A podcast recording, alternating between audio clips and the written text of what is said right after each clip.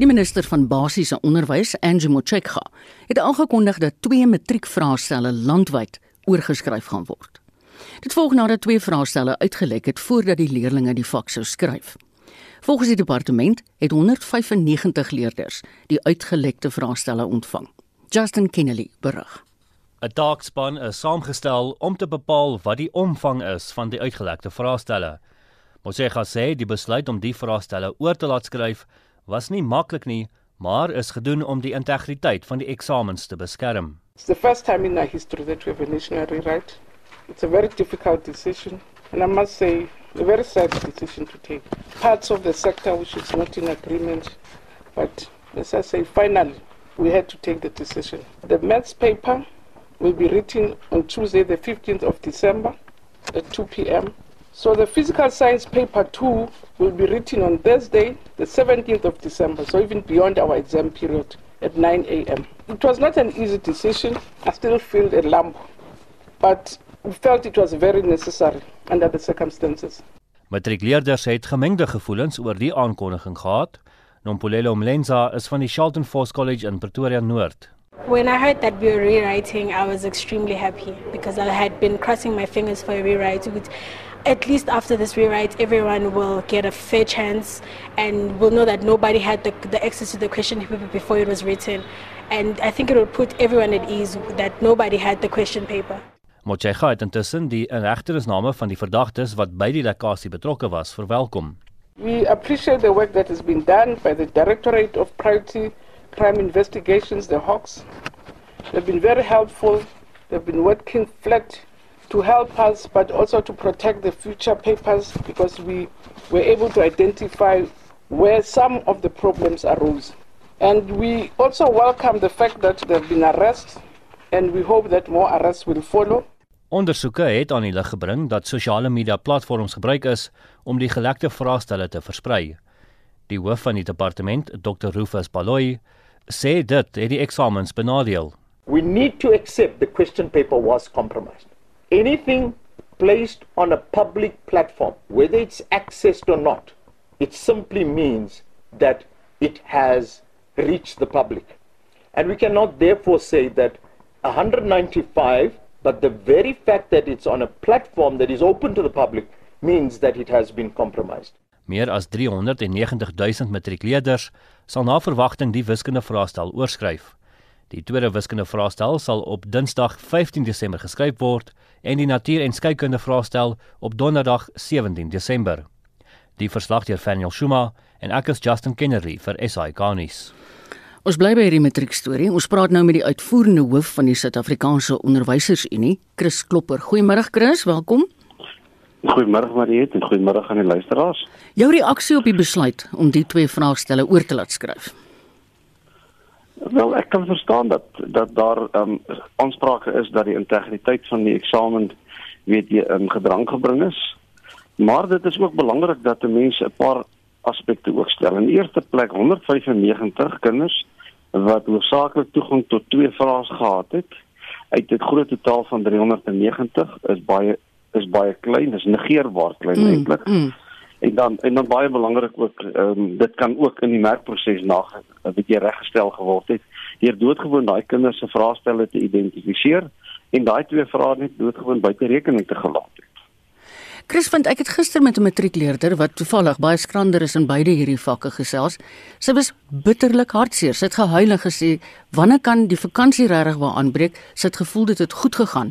Kan 'n mens nie in hierdie dag en die tye waarin ons is, bepaal wie's daai 195 laat net hulle oorskryf nie. Wel, daar's binne geen twyfel nie. As hulle as hulle dit so 'n definitiewe getal kan gee van 195, dan weet hulle presies wie die leerders is en is dit die leerders wat dan ja. inderwaarheid moet oorskryf of jy kan dit nog makliker maak. Jy kan doodgewoon sê dat 195 die twee vraestelle wat ter sprake is, word buite rekening gelaat tydens die die merkproses. Ja. Ja. Um, Maar wat ons wel weet is is dat um, ons het al gehoor dat Kossas het gesê dat hulle hulle ondersteun dit nie, hulle hulle oorweeg litigasie. En dan weet ons ook daar is, is bepaalde ouers wat klaar ook besig is met um, bepaalde regsaksies te oorweeg in die verband. Kyk, hierdie is nog nooit voorheen gedoen nie. Al is daar in die verlede vraestelle gewees wat uitgelek is. Mm, Nee, dit is so. Dit is nog nooit gedoen nie. Ehm um, ek dink dis amper 'n desperaatheid aan die kant van die departement van basiese onderwys of hulle vertel nie vir ons die volle verhaal nie. Ehm um, ek dink dit is ook die ander aspek en dit is dat daar word nie vir ons presies gesê hoe groot en hoe wyd dit is en hoeveel leerders dit ehm um, affekteer nie. Want as dit net 195 was dan dan soos ek aangedui dan ja. is dit is, is dit bestuurbaar. Kyk is nou byna die einde van die eksamentydperk en 88% van die vakke in die vraestelle is al geskryf. Hoe dink jy hierdie proses buite nou hierdie gevalle verloop? Ons ons vergader weekliks met die onderwysdepartement wat ons 'n opdatering kry. Ons het vanmiddag 2 uur het ons weer 'n vergadering met die departement van basiese onderwys. Um en dan sal hulle vir ons op hoogte bring van wat van wat die um, stand van sake is en miskien meer inligting gee, maar dit die inligting wat ons tot in hede het is maar skraps en dit is presies dit wat met die media gedeel is. Wil jy vir my sê daar's 'n staatsdepartement wat op 'n Saterdagmiddag werk? En inderdaad, ons ons vergader um, ons het vergader die afgelope paar weke al elke Saterdagmiddag van 2 tot 4. Die COVID-19 pandemie het 'n groot impak op onderrig gehad. Is die eksamens aangepas om dit te reflekteer? Nee, die eksamens is nie aangepas nie. Al wat aangepas is, is dat hy is aangeskuif met met met 2 weke om voorsiening te maak vir die feit dat kinders het onderrigtyd verloor en dat daar meer tyd vir hulle gegee word. Sover ons kon vasstel, het al die skole die kurrikulum gedek. En intedeel, ehm um, by regte goed funksionerende skole is die graad 12 werk hier teen die einde van die eerste kwartaal reeds gedek en want dit word in graad 11 hanteer. Mm, mm. Is julle met ander woorde tevrede hoe die matriekeksamen hanteer is tot dusver? Ons het geen ander klagtes opgetel nie. Ehm um, by die skole waar ons lede het 4400 ehm um, het daar geen klagtes voortgespruit van kinders wat onregmatig bevoordeel of benadeel is nie. En oor die algemeen kan ons ons tevredenheid uitspreek behalwe nou vir die twee vakke wat besprake is. Ja, want die raaisel vir my hier is jy het net nou daaroor gepraat. In die verlede was daar uitgelekte vraestelle en hierdie is werklik waar 'n eerste dat die hele land moet oorskryf. Ja, dit soos ek sê, weet jy, dit is dis regtig vir my um 'n snaakse snaakse besluit wat geneem is. Um dit maak nie heeltemal sin nie. Um uit een oogpunt kan mense dit verstaan dat hulle sê hulle wil die absolute integriteit van die eksamen en die kwalifikasie beskerm. Maar my aanvoeling is is dat Umalusi het 'n baie sterk inspraak gehad mm. in die hmm. besluit wat geneem is en dat na alle waarskynlikheid het Umalusi vir hulle aanduiding gegee dat hulle dit nie sal sertifiseer as 'n geloofwaardige eksamen mm. As gevolg van die twee vraestellings nie. Chris, wanneer gaan die uitslae bekend gemaak word? 23 Februarie is die is die huidige beplanning. Hulle kan nie verby daai datum gaan nie want dit sal 'n geweldige invloed dan ook hê op inskrywing by universiteite en dit sal ook universiteite se akademiese jaar baie nadelig raak. Chris baie dankie. En geniet jou vergadering vanmiddag. Dis Chris Klopper, die uitvoerende hoof van die Suid-Afrikaanse Onderwysersunie. 'n 100 skole wêreldwyd het onlangs deelgeneem aan 'n virtuele konferensie as deel van die Wêreldonderrigweek. Dr. Ria de Villiers, die hoof van die departement van basiese onderwys se E3 met ander woorde E tot die mag 3 program het tydens die konferensie nuwe planne bekend gestel vir projekgebaseerde onderrig. So wat 10 jaar gelede het visiepresident Galema Motlanthe 'n gesprek begin om nasionale onderwys te begin voorberei op die 4de nywerheidsrevolusie, die sogenaamde 4IR. Jeugwerkloosheid was en is nou nog meer met die pandemie 'n eislike probleem en daar was 'n gevoel dat meer entrepreneurskap in die kurrikulum moet verskyn. Navorsing het in 2011 begin en na 7 jaar se onderhoudvoering met sleutelrolspelers en besoeke aan die buiteland om die beste uit alle stelsels te haal, is die EIS Entrepreneurship in Schools bloudruk by die Januarie 2018 onderwyslik godla as beleid aanvaar. 'n klein komitee is gestig. Ek was deel daarvan en later in 2018 het die eerste 73 skole in 3 provinsies, die Vrystaat, Gauteng en Wes-Kaap, met opleiding in projekgebaseerde onderwys begin. Tans is daar 332 skole daarmee besig en volgende jaar um, gaan die projek 600 skole betrek in die navorsingsgedeelte daarvan. Hoekom is hierdie 'n uh, onderwysgebaseerde projek? Inligting uit 'n handboek is waardevol, maar tot op 'n punt. Wat leerders ook nodig om hulle voor te berei vir die wêreld na skool is radsheid, 'n skerpsinnigheid om geleenthede raak te sien. Ons wêreld vereis baie meer as net boekekennis van die jeug tegnologiese vooruitgang, die ontstaan van nuwe en onbekende loopbane, klimaatsverandering, pandemies, droogtes, vloede, burgers van hierdie wêreld moet kan oorleef. Nie floreer na 13 jaar se skoolkennis. Boekekennis is onvoldoende om leerders toe te rus vir 'n wêreld wat blitsig verander.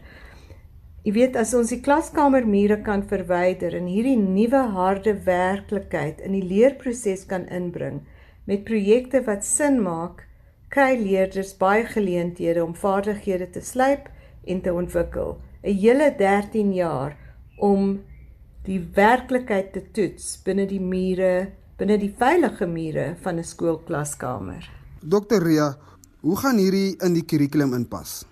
Die kurrikulum maak eintlik voorsiening vir die vaardighede en kennis wat benodig word vir die 21ste eeu.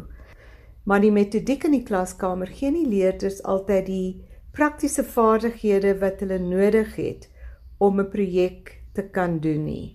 In kwartaal 3 van elke vak vra die kurrikulum dat 'n projek geassesseer word. Dis het ons 'n wonderlike geleentheid om projekgebaseerde onderwys saam met die kurrikulum te integreer. Gewoonlik sou 'n handboek die projek voorskryf, maar nou werk ons saam met onderwysers in die klaskamer wat saam met ons projekte skryf. Projekte wat geanker word deur probleme uit hulle eie gemeenskappe sodat die projek werklik voel. Byvoorbeeld, 'n tekort aan water is 'n groot probleem in gemeenskappe. Dink aan die pandemie. Die Graad 5 lewensvaardighede projek vra dat leerders 'n navorsingsprojek doen oor die oorsake van 'n tekort aan water. Hulle vra vrae soos hoekom is skoon water 'n noodsaaklikheid? Dink weer aan die pandemie. Dan moet hulle 'n produk maak wat 'n oplossing bied. In hierdie geval 'n kantelkraan, beter bekend as 'n tippy tap. Die proses leer kinders om hulle omgewing te ondersoek, probleme te identifiseer en oplossings te bied en te toets. Dink aan al die vaardighede wat hulle daardeur leer. En wat beoog julle? Wat is julle doelwitte? Van 2018 tot 2021 is eCube met navorsing besig om die model te probeer verbeter. Ons bring elke jaar veranderings aan terwyl ons baie stadig daarna met die nasionale onderwysdepartement gaan begin integreer. Teen 2030 gaan alle skole landwyd met aktiewe leer besig wees. En generasie Z, die leerders wat in ons klaskamer staan sit, is meer as reg daarvoor. Hulle wil aktief wees. 'n Onderwyser wat bloot die klankbaan van haar eie handboek verskaf is nie boeiend nie. Ons leerders wil doen, hulle wil debatteer, hulle wil, hulle wil maak, hulle wil deel wees van 'n vinnig veranderende wêreld. En hulle gee eintlik baie meer om as wat ons dink.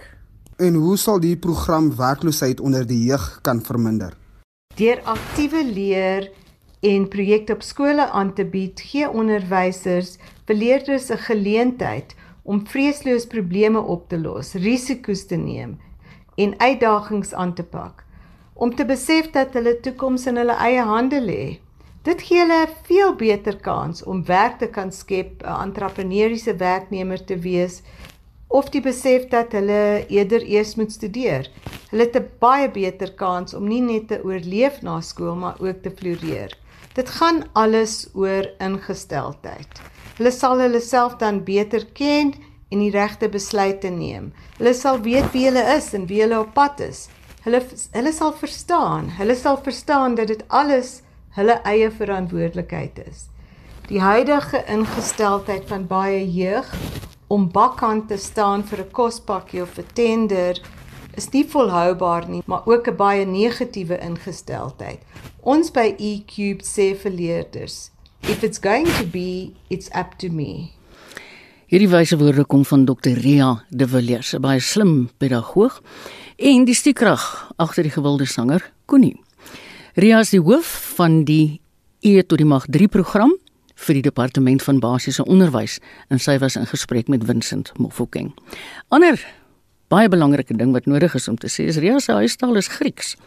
En hoor mooi, praat sy Afrikaans. Jy luister na Naweek Aktueel, dis 20 oor 12. Die Vryheidsfront Plus het die week hulle kommer uitgespreek oor die kieswet wysigingswetsontwerp wat volgens hulle die grondslag van Suid-Afrika se grondwetlike demokrasie kan beïnvloed. Die wetsontwerp is oop vir openbare kommentaar, hoewel die party meen die tyd wat daarvoor gegee is nie voldoende is nie. Vir sy mening oor die wetsontwerp praat ons met die politieke ontleder en dekaan van die skool vir sosiale innovasie by die Huguenot College, professor Erwin Swela. Goeiemôre Erwin. Middag Marieta, middag luisteraars. Wat behels die kieswet wysigingswetsontwerp? Nou kom ons begin net eers weer te sê ehm um, Marietta, die wysigings ehm um, is toe gedebatteer in die binnelandse sake komitee van die parlement en die meeste van die besware ehm um, is uiteindelik gehanteer. So ek moet dink ons net die die feitelike situasie soos dit nou staan korrek uh, aan die luisteraars oordra. Mhm. Ehm um, wat wat beoog was om te doen was om die kieswet te wysig en die belangrikste oorweging oorweging was om voorsiening te maak vir ander forme waarop mense stemme kan uitbring as bloot deur 'n kruisie op 'n papier stembrief te trek. Met ander woorde om voorsiening te maak vir elektroniese Ja. en digitale stemprosedures. Nou, dit het beteken dat uh, daar bepaalde wysigings moes aangebring word aan die bestaande kieswet, want die bestaande kieswet het eintlik baie streng vereiste dat jy uh, op op 'n baie besondere manier in 'n in 'n uh, min of meer in 'n in 'n in 'n in 'n hokkie moet gaan staan uh 'n stembrief van jou uitgereik word en jy trek dan 'n kruisie op die stembrief. Uh, en dit was eintlik die wysiging wat voorgestel was. Nou die kontroversie, die probleem was dat dit het uh in die in die, in die wysigingswetsontwerp, so 'n bietjie tegnies, maar Nee, nee, nee. die wysigingswetsontwerp was bepaal dat die dat die ehm um, verkiesingskommissie sou 'n alternatiewe stemmetode kon aanbeveel.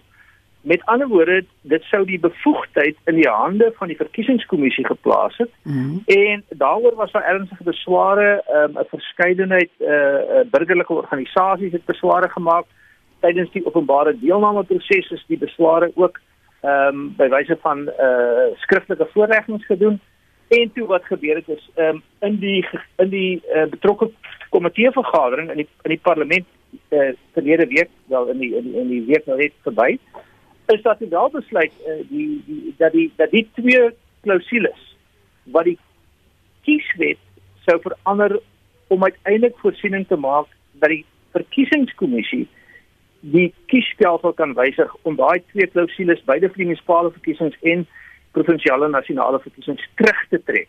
Ehm um, met ander woorde die wetgewing soos dit nou ehm um, indien dit finaal aanvaar word, wanneer dit finaal aanvaar word, sal nie meer hierdie kontroversiële bepalinge in hê nie. Maar dit maak dit nie uh, heeltemal onaktueel nie. Want dit het natuurlik al daai vrae nog steeds inbegrepe Mm. of 'n mens onafhanklik van hoe jy dit verander die kieswet behoort te verander om voorsiening te maak vir digitale verkiesings of elektroniese verkiesings. En ons weet mos nou wat gebeur het in die in die in die, in die baie ehm um, uh ja die die die besondere uh konteste dis die Afrikaanse woord wat ek soek ehm um, waar waar aan die Amerikaanse verkiesings daar groot uh ehm um, mededinging was en ook groot debatte en kontrovers oor verskillende kiesstelsels.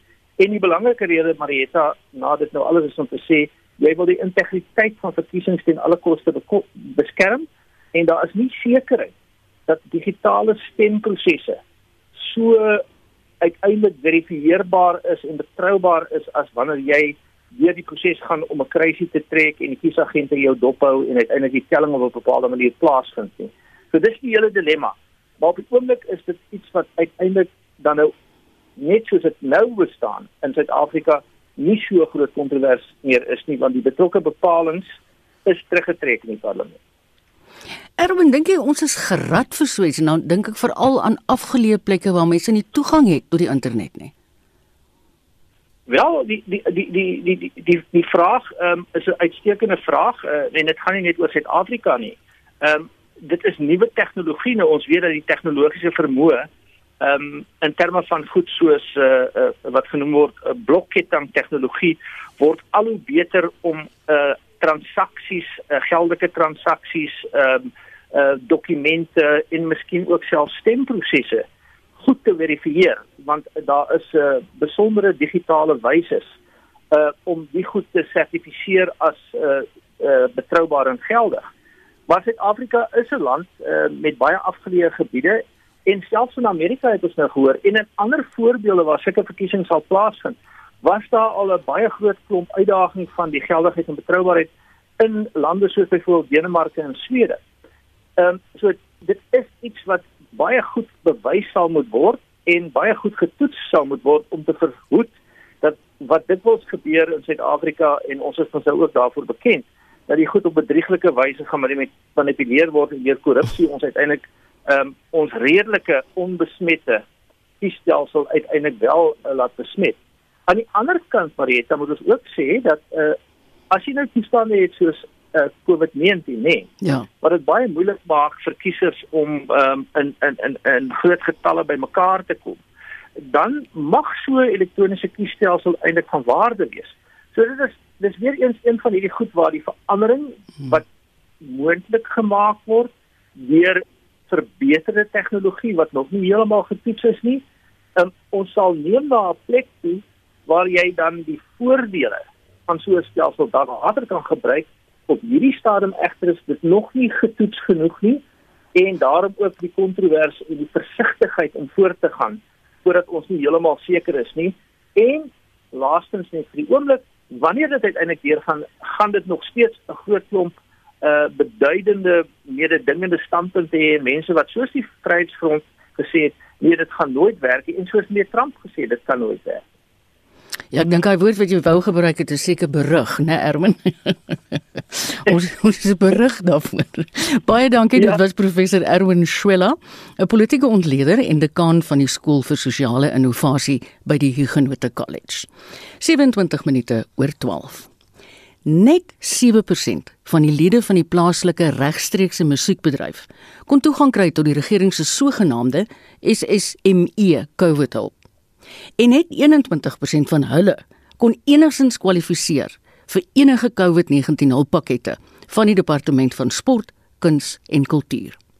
Volgens navorsing wat IKS Cultural Consulting vir die South African Cultural Observatory gedoen het, lyk dit of tot 80% van die werknemers in die bedryf die bedryf kan verlaat.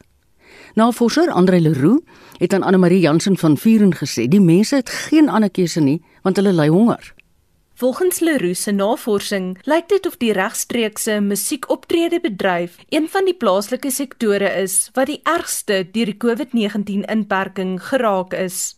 A few of the findings that the study highlighted was that many of them had been operating for more than 5 years but the impact led to 90% of the live music industry having lost income and 25% they said that they wouldn't be able to continue at all and that was already in August. Things are worse now. And then in terms of industry professionals the ability to cope with the crisis 88% of them are looking at online music initiatives and that for us was very positive. However, another negative was that 23% they're looking at cancelling the short term contracts, 13% are retrenching employees. At that stage, cutting the salaries, 18% was doing that. And only 6% of the music businesses we interviewed is able to actually pay all their employees. So that was quite disheartening. Al hulle voorstelle en raad in die navorsingsverslag oor hoe om die bedryf weer te herstel, sê hy dit gaan 'n opdraande stryd wees.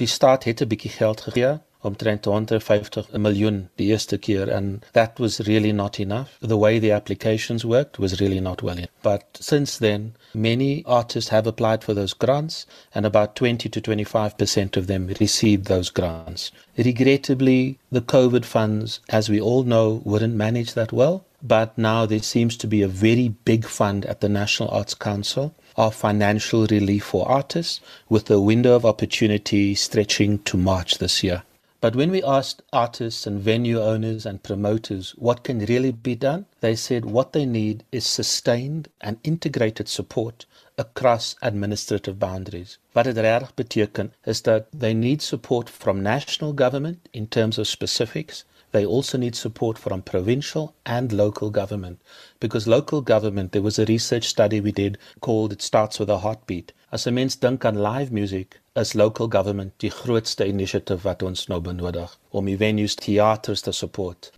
Respondente het meestal gekla oor die tekort aan ondersteuning wat hulle van die staat gekry het. The state has been doing things but hasn't often been engaging artists as how the sector works. For instance, in the first call out, they asked for contracts. In 'n musiekbedryf, mense doen nie altyd contracts nie. if you're performing at the pub. Een die ouens interviewed said to us, the way I confirm gigs is via WhatsApps, but they can't accept WhatsApps. So I don't think that the state was prepared for COVID. Nobody was. But I think what's starting to happen and what our research pointed to is that the state needs to alter the mechanisms of application and in kind relief as well, more suitable to the industry. Daarom het kunstenaars, promotors en lokaal-eienaars die volgende aanbeveling gemaak. All the publicly controlled spaces needs to be opened up for artists to be able to use. And in that sense, local theatres, local venues, of course, taking into account the restrictions of limited audience and the COVID protocols in place. Another recommendation that came out was decentralizing and strengthening local public life. The groot festivals, the Kaka Ka, die National Fees, Anibos and all of those, they're going to be gone for a while. We now know that there's going to be the second wave. It's probably here already. But what we need to do is to get local performances in smaller spaces. And maybe that's not only about economic recovery and economic impact, but also about social recovery. So, an important part of the research was to say, although we're looking at the economic impact, the social impact of getting society out there, getting people to consume the arts. Because many older artists don't want to come out and perform anymore. Many older people don't want to go to gigs anymore. So there's a start that needs to happen there. Die belangrikste aanbeveling hou verband met die digitale ruimte soos aanlyn konserte en stroomdienste. There was an additional report that we did which is called Digital Futures Live Streaming in South Africa as Concerts SA. En daat ons besef, almal praat van streaming, maar die ding is, hoe doen 'n mens dit? How do you protect the artists? Which platforms do you use? How do you generate an income through ticket sales? Can you generate an income? So, in the research that we did for the Cultural Observatory, it was really about both private sector, venue owners, artists, and the state exploring this digital potential. But when we did the digital futures research, we realized that the potential is good to expose artists, but the potential is very poor at this stage to generate revenue. And I would love any artists that are listening, the kunstenaars, the promoters, and venue owners, download the digital futures on the Concerts SA website because it gives clear pointers as to protect your work online. Make sure it's registered because even if you don't make money from the tickets, if you have rebroadcasts or it becomes public broadcasts, you can make money from the royalty streams. Roo sê dit is nou die tyd vir individue in die bedryf om bymekaar te kom en drukgroepe te vorm, want beleidsverandering is die sleutel tot die oorlewing van die musiekbedryf. A big organization like Gearhouse, one of the biggest technical production companies on the continent, is now in business rescue. Most of the technical production companies are in trouble. They haven't had the ability to sustain themselves. The SABC is facing Section 189s. SAMRA is facing Section 189s, which is retrenchment. And it really is important the acknowledgement now with bodies like TUMSA, the Musicians Union, with bodies like I'm for the Arts, is that there needs to be increased advocacy and lobbying by artists. But Annemarie, the most surprising aspect that came out of our research was the positivity by artists themselves. That talks to artists starting to group together and what we found is that unexpectedly, amongst all the loss of revenue, the loss of touring opportunities, the loss of gigs, there's hope. Many artists are writing new music. Many are starting to stream again. Through Concerts SA program, following the research, We then developed a digital mobility fund, and that fund has supported 63 projects. So, in the next two months, December and January, you'll see a lot of small, intimate events with live streaming. Dit was Andre Leroux van IKS Consulting wat navorsing vir die South African Cultural Observatory gedoen het. Ek is Anne Marie Jansen van Vuren vir SAK nuus.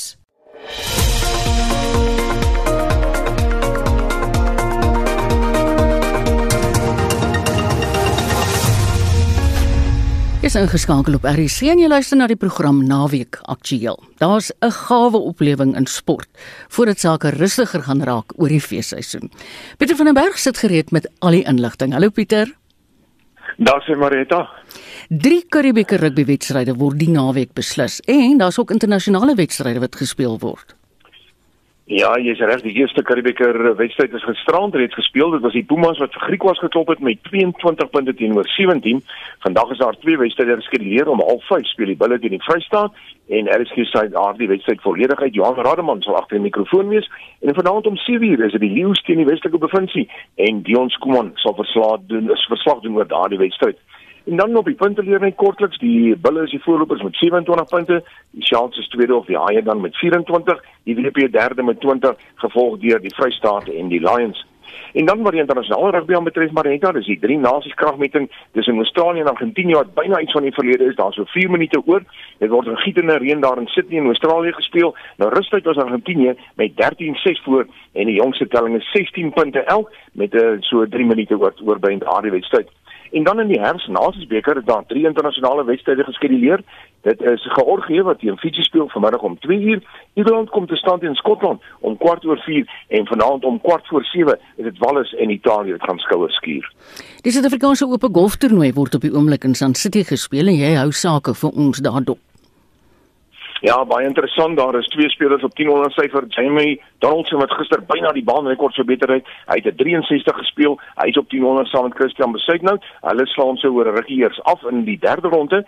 Dylan Fritelli en Dean Burmester, hulle is twee houe agter die voorlopers. Hulle is op 800. Dan is daar 'n paar spelers op 500 wat insluit in uh, Roan Korp onder meer en ook uh, Jean Kruiswyk en dan soos ons sê RSG sal vanmiddag en môre dan verslag doen oor die uh, golfgebeure by Sun City. Die Dubai Golf uh, Kampioenskap het Woensdag reeds begin, dis daar in die Verenigde Arabiese Emirate. Nou die vierde ronde staan einde se kant toe en dis Antonio Rosner en Andy Sullivan wat gesamentlik die voorlopers is op 24 onder syfer.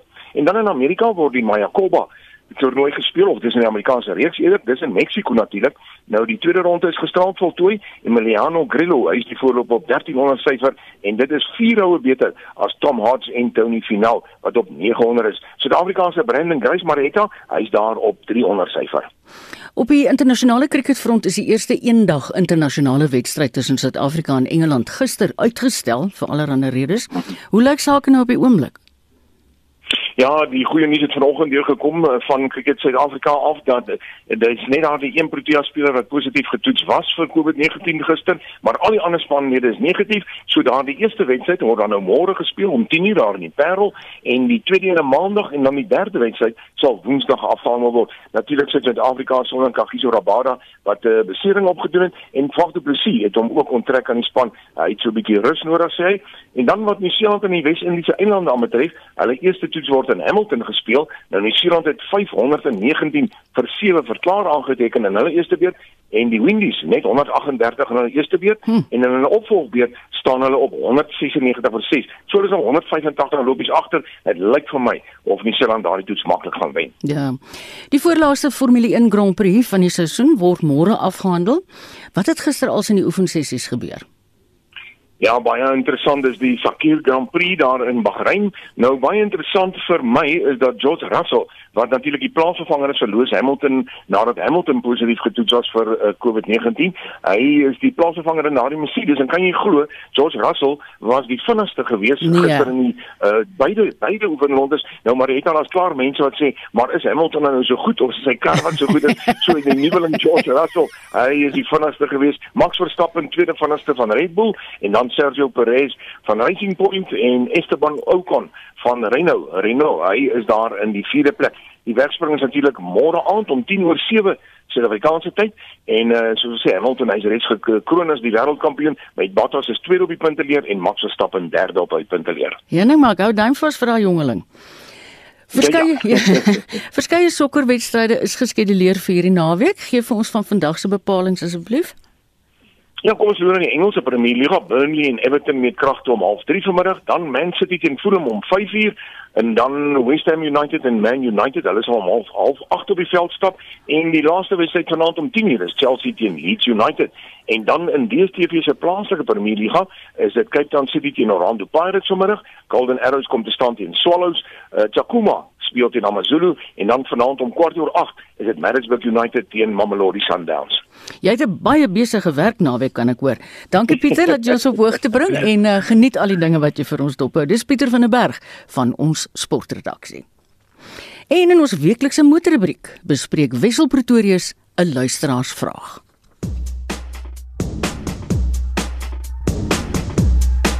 Net meer as 39300 nuwe voertuie is verlede maand plaaslik verkoop. 12% laer as November verlede jaar, maar darm beter as Oktober vanjaar.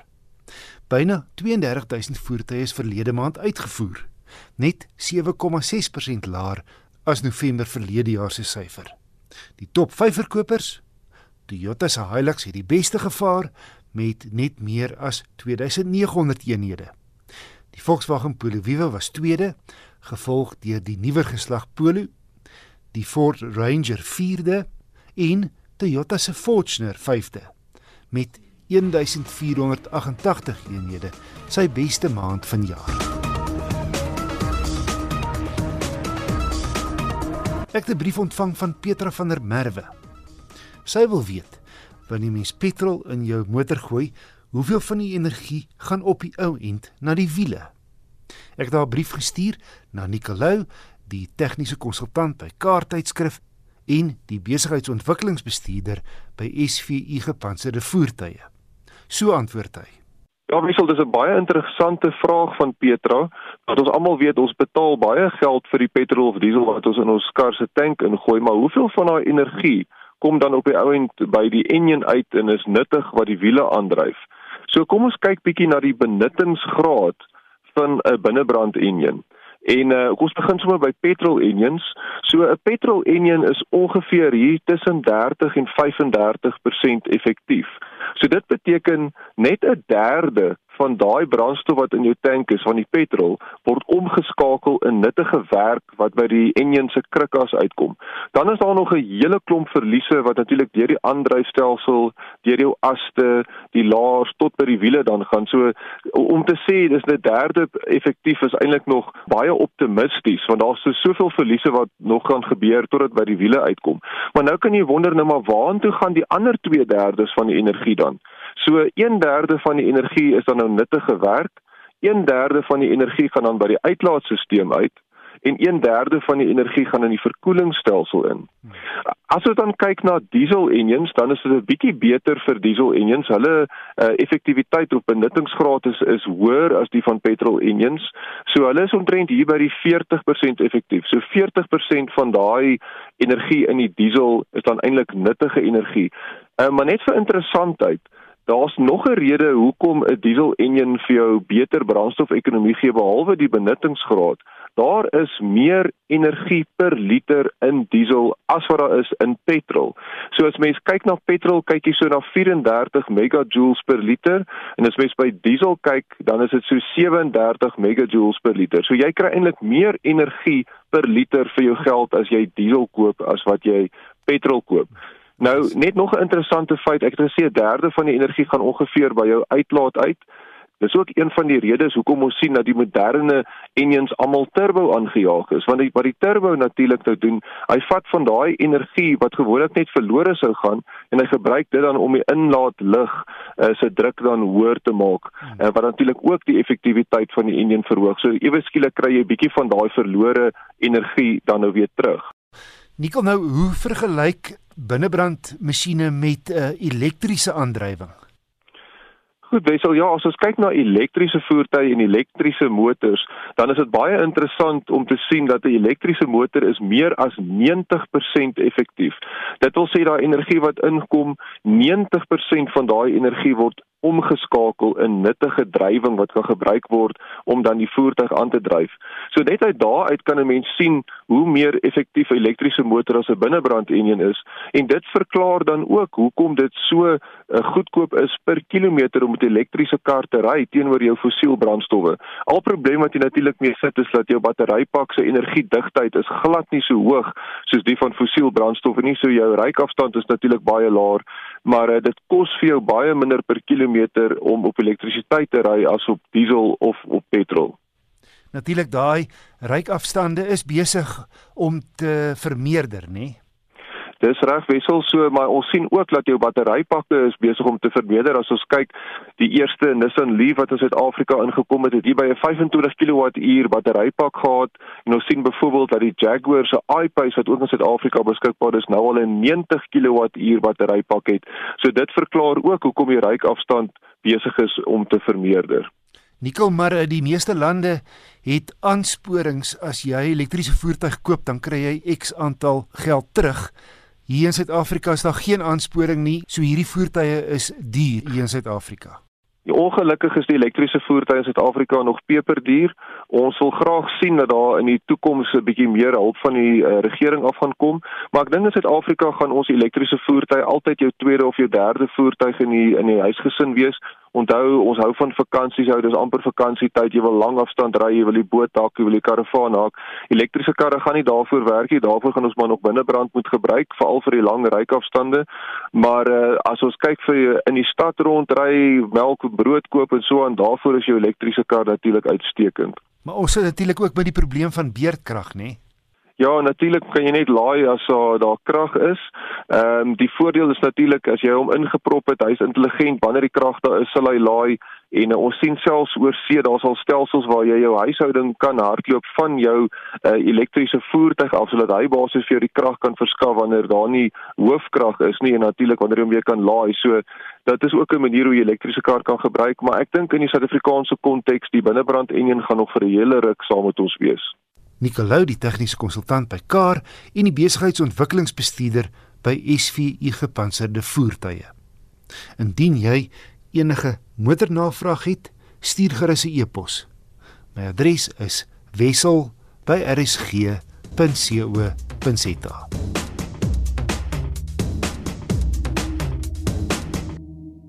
Lekker as ons al so begine praat van mense kry hulle voertuie reg vir vakansie.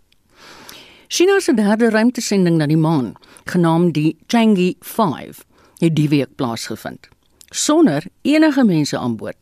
Die rekenaar binne die ruimtetuig het reeds die eerste kleurfoto's van die maan teruggestuur. 'n Voormalige NASA-ingenieur en ruimtevaarder, Steven Swanson, wat self al 5 keer op die maan was, het aan die BBC vertel hoekom hierdie so 'n geskiedkundige sending is. Only two other times have we gone and brought back samples, so this is a big deal, and we haven't done that for 44 years. So I think it's a it's a great achievement they're doing. Well, these samples are going to get about two kilograms worth of soil or uh, lunar regolith and bring it back to Earth, and then we can start studying it. I think that's a great plan. And the significance of that, though, is it's from a different part on the moon than the Apollo missions went to. And so we can then study the differences between the two and hopefully actually determine the actual age of the soil there, which you might think is interesting. But the soil has different ages around the moon. And if we can figure that out, we can then determine then for other planets what the age of, the, of those planets are. And Steve, is it tricky actually to get to this part of the moon and get back from it? Well, it's tricky just to get to the moon. It doesn't matter what part of the moon, I think, to land on it and then to actually take off from it again with some samples, meet up with your orbiting vehicle, and then come on back. That is not easy at all. It takes uh, a lot of coordination, a lot of work to get there, and I hope it works for them. Die NASA ruimtevader Steven Swanson uit 'n onderhoud met die BBC. Intussen sê 'n Suid-Afrikaanse ruimtekenner, Dr Pieter Kotse, dat hierdie sending moontlik kan bepaal of die Chinese in die toekoms minerale op die maan sal kan ontgin en myn wat vir die aarde energie kan verskaf. Kotse is 'n buitengewone professor by Noordwes Universiteit se sentrum vir ruimtenavorsing. Hy het aan Anne Marie gesê, daar is twee groot redes waarom hierdie sending van historiese belang is. Dis die eerste keer dat China daarin slaag naas natuurlik die FSA en ook die Sowjetunie om suksesvol op die maan te land met 'n robotlander en dan om grondmonsters of geologiese monsters te kan versamel. En in die tweede plek natuurlik wat dit ook van 'n baie besonderse belang maak, is die eerste keer in 44 jaar dat daar grond of rotsmonsters versamel word op die maan self. Die laaste sending was gedoen deur die Sowjetunie. Dit was in 1976 met hulle Luna 24 sending wat ook op 'n soortgelyke wyse rotsmonsters versamel het, maar hulle het natuurlik aansienlik baie minder rotse versamel as wat nou ek dink in die pipeline is met hierdie Chinese sending. Vir die leuke onder ons, hoe werk so 'n sending? Kyk, dit bestaan basies uit 'n lansering van die maantuig. Dan trek dit na die maan, dit neem ongeveer 2 na 3 dae toe en dan wanneer dit naby die maan kom, ontkoppel die uh, maanlander vanaf 'n moedertuig wat in 'n wentelbaan om die maan bly. En dan sak hierdie lander tuig af na die maan toe op 'n bepaalde plek wat hulle natuurlik uitgekies het om hulle belangrike monsters te kan versamel. En terwyl hierdie versameling van die monsters aan die gang is op die maanoppervlakte beweeg hierdie moedertuig nog steeds in 'n wentelbaan om die maan self. En nadat hierdie monsterversameling natuurlik nou voltooi is styg die lander op en koppel dit weer aan die maan moedertuig wat dan op sy beurt terugreis na die aarde toe wat ook gewoonlik 'n hele paar dae kan neem. En in die proses word hierdie monsterhouer wat natuurlik in 'n vakuum is verskuif na die voorste deel van die moedertuig toe want net die laaste deel die kapsule kom dan éventueel in die aarde se atmosfeer in en word dan op 'n bepaalde plek op die aarde neergelaat met en ek dink in die geval van die Chinese gaan dit op die aarde se oppervlakte land en nie in die see nie en ek dink die plek wat hulle gekies het is iewers in Mongolië waar die landing behoort plaas te vind en dit behoort hier rondom die 16de 17de van Desember plaas te vind. Wat beplan die wetenskaplikes dan om met hierdie rotsmonsters te doen? Watse tipe toetse gaan hulle doen en waarvoor gaan hulle dit gebruik? Ja, die hoofdoel van hierdie sending is natuurlik om in 'n gebied te land wat tog nooit voorheen, sou ek sê, paar monsters geneem is nie. En hulle vermoed dat dit, dat ek dit so stel, die gebied wat hulle gaan land is word genoem die Oseaan van Storms. Dit is heeltemal verskillend van die vorige gedeelte waar byvoorbeeld die Apollo sendings geland het. En die vermoede bestaan dat dit 'n baie jong gedeelte op die oppervlakte van die baan is en hulle vermoed dat daar vulkaniese aktiwiteite voorheen daar plaasgevind het. So die doel van hierdie hele sending is om te kyk na die samestelling van die maan, daaruit te bepaal hoe die maan ontstaan het, die oorsprong daarvan en natuurlik om ook te bestudeer wat was die vulkaniese aktiwiteite in die verlede want hulle vermoed hierdie gebied is ongeveer 1.2 na 1.3 biljoen jaar oud in teenstelling met die vorige areas wat hulle besoek het wat ongeveer 3 biljoen jaar oud is. So hierdie gaan natuurlik vir wetenskaplikes 'n verdere aanduiding gee van hoe om afskattings te doen op ander uh, ruimteliggame, ander maane of planete in ons sonnestelsel want normaalweg wat hulle doen is om te kyk wat is die aantal hoeveel meteorietkraters is teenwoordig in 'n sekere gebied. So hoe meer meteorietkraters daar teenwoordig is, hoe ouer is die gebied. Maar dit is maar 'n baie rowwe skatting van hoe om 'n ouderdom te bepaal en hiermee kan baie meer akkurate ouderdomsbepaling gedoen word en wat ook interessant is met hierdie sending is dat hierdie robotlander is ook toegerus met 'n boorpunt. Dit wil sê hy het 'n ontplooiarm met 'n boorpunt aan die punt wat nou op onder die oppervlakte gaan boor en ook grondmonsters vir 'n paar sentimeter onder die oppervlakte. Ek is nie presies seker hoe diep hulle gaan boor nie, maar ten minste dit gaan nie net oppervlakmonsters wees wat versamel gaan word nie, maar ook monsters onder die oppervlakte om te sien wat is die samestelling van die rotsformasies onder die oppervlakte en om te sien of daar een of ander materiale teenwoordig is wat moontlik in die toekoms ontgin kan word. Want ek dink die Chinese het ook 'n doelwit om ontginning te doen op 'n ruimteliggame. Die maan is een van die sou ek sê prioriteit areas waar toekomstige nie ook maanlandings gaan plaasvind maar wat ook 'n menslike gaan land en die Chinese is hard aan die werk in hulle poging om ook op dieselfde vlak te kan kompeteer as wat die NASA en die Russiese ruimteagentskap doen. As u nou praat van ontginning, is dit nou myn ontginning of het ek nou heeltemal ja, die kat aan die sterk beet? Nou, vertel ons daarvan. dit kan heel waarskynlik myn ontginning wees want die vermoede bestaan en dit is nou nog nie getoets nie dat daar stowwe op die maan is wat nie op die aarde teenwoordig is nie. En hier dink ek veral aan 'n stof soos helium 3 wat in die son gevorm word tydens die kernversmeltingsprosesse wat in die son plaasvind. Dan word dit tydens sonstorms of korona massa uitbarstings in die buitenste ruim uitgeblaas En as gevolg van die atmosfeer van die aarde kan hierdie helium 3 eintlik nie indring in die aarde se atmosfeer nie. En omdat die maan geen atmosfeer het nie, is die vermoede dat daar etlike tonne van hierdie helium 3 onder die oppervlakte van die maan teenwoordig is. Nou wat maak helium 3 nou eintlik so belangrik?